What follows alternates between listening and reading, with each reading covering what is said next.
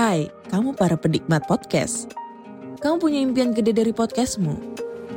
Terus First Story bisa banget bantu kamu.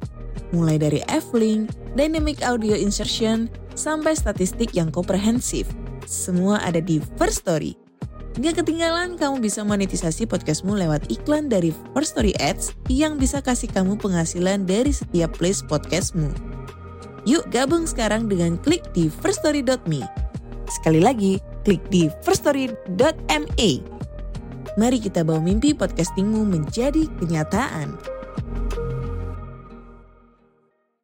Pernah dengar kisah Laila Majnun nggak?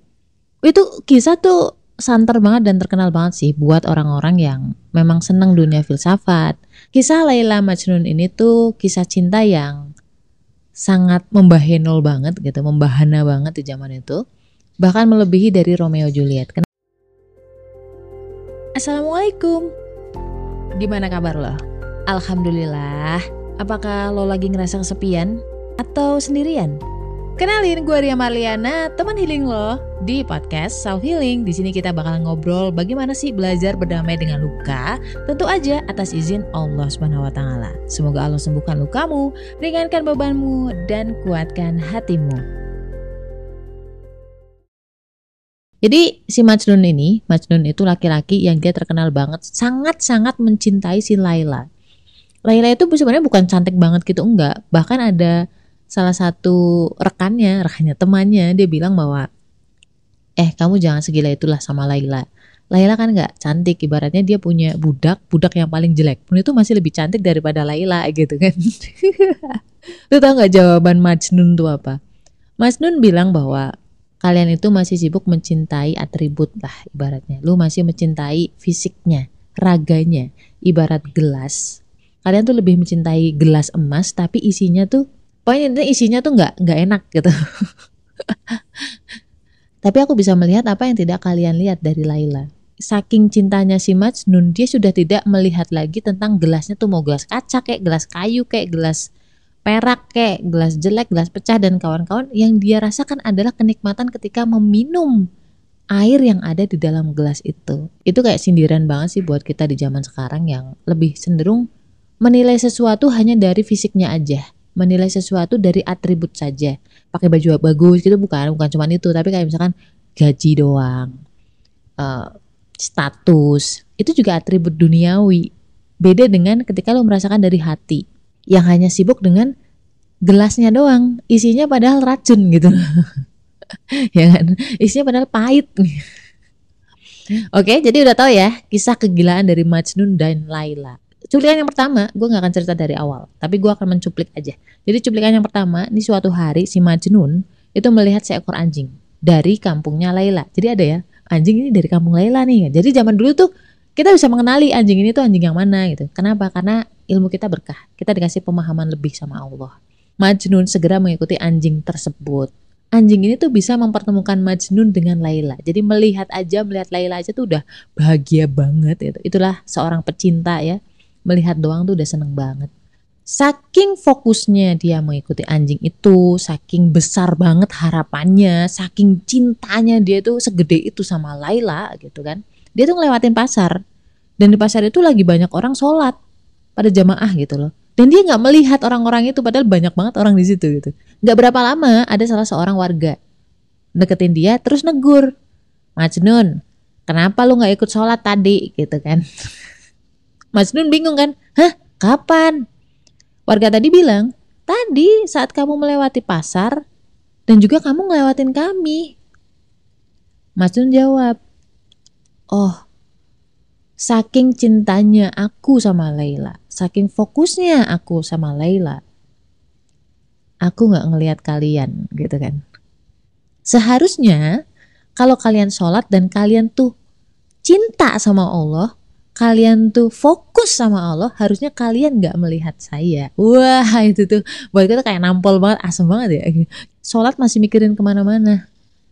Berarti kita tuh nggak secinta itu sama Allah. Kita nggak sefokus itu sama Allah. Kenapa sih nggak fokus? Karena kita nggak cinta sama Allah, bener nggak sih? Kita merasa kita mencintai Allah, oke okay lah. Tapi buktinya ketika sholat, untuk fokus aja tuh susahnya minta ampun.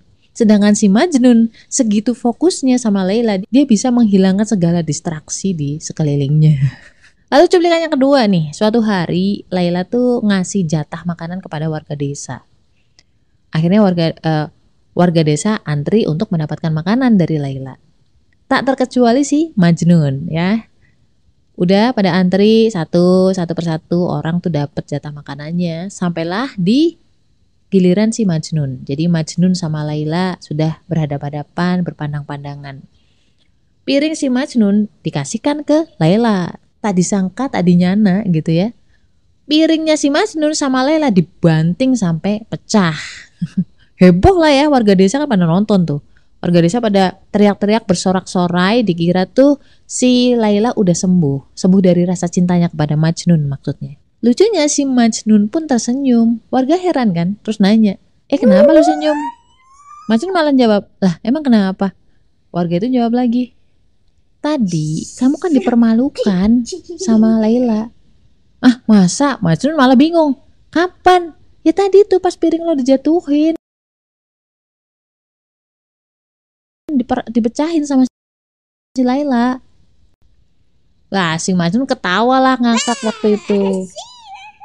Kalian tuh belum paham ya kata Majnun. Jangan salah paham dulu dia bilang gitu. Kamu tahu nggak kenapa Laila itu memecahkan piring itu? Biar apa? Biar bisa masuk ke antrian lagi dan berada di hadapan dia lagi untuk saling pandang memandang. Barulah warga desa ngeh bahwa sebenarnya mereka masih diliputi oleh kegilaan cinta. Jadi cinta itu membuat kita tuh berprasangka baik ya. Makanya ini relate sama cuplikan yang pertama dan hikmah yang pertama bahwa kita tuh nggak secinta itu sama Allah. Sebenarnya kita tuh lebih cinta diri kita kepada Allah. Kok tahu? Jadi ketika kita doa nih, misalkan belum juga terkabul. Kadang rencana kita tuh dipecahin sama Allah, diporak-porandain sama Allah, digagalin ya kan. Kegagalan itu kan yang membuat kan Allah juga kan. Ketika kita gagal, yang membuat kita gagal siapa? Allah kan. Berarti kan banyak rencana, banyak impian yang digagalkan oleh Allah. Itu bukan berarti Allah tuh marah, bukan berarti Allah tuh benci, tapi justru sebaliknya, saking cintanya Allah sama kita, agar Allah menambahkan pahala kepada kita. Agar Allah tuh bisa ngedenger kita datang lagi gitu kan, melihat kita semakin dekat sama dia gitu sama Allah. Ingat kan di Ad-Duha, surat Duha ayat 3 sampai 5. Tuhanmu itu nggak meninggalkan engkau Muhammad dan tidak pula membencimu dan sungguh yang kemudian itu lebih baik bagimu daripada yang permulaan. Dan sungguh, kelak Tuhanmu pasti memberikan karunia-Nya kepadamu sehingga engkau menjadi puas. Ya. Surat duha itu bagus buat lo yang pada tahap stres dan depresi. Itu bagus banget sih. Kalau masih stres juga mungkin kita kurang zikir. Kebanyakan mikir, overthinking, tapi lupa zikir. Jadi pelajaran yang bisa kita ambil, kita paham bahwa kita nggak secinta itu sama Allah. Kita jauh lebih mencintai diri kita dibanding Allah. Padahal ketika kita bisa mencintai Allah, kita bisa berprasangka baik kepada Allah. Ya kan? Kan prasangka baik itu sebenarnya obat banget ya. Saya kira-kira kayak gitulah. Semoga harimu menyenangkan dan dimudahkan oleh Allah Subhanahu wa taala ketika lagi berat. Coba ucapkanlah hasbunallah wa ni'mal wakil. Gak ada kekuatan lain kecuali dari Allah. Stay love and assalamualaikum warahmatullahi wabarakatuh. Kenapa sih golongan darah B itu pelupa, susah banget ingat nama? Orangnya juga cuek, nggak pekaan, nggak perhatian. Kenapa coba? Bedah itu semua dari buku cerita tentang karakter golongan darah B dengan judul Beauty in a Beast. Order sekarang, link di bio ya.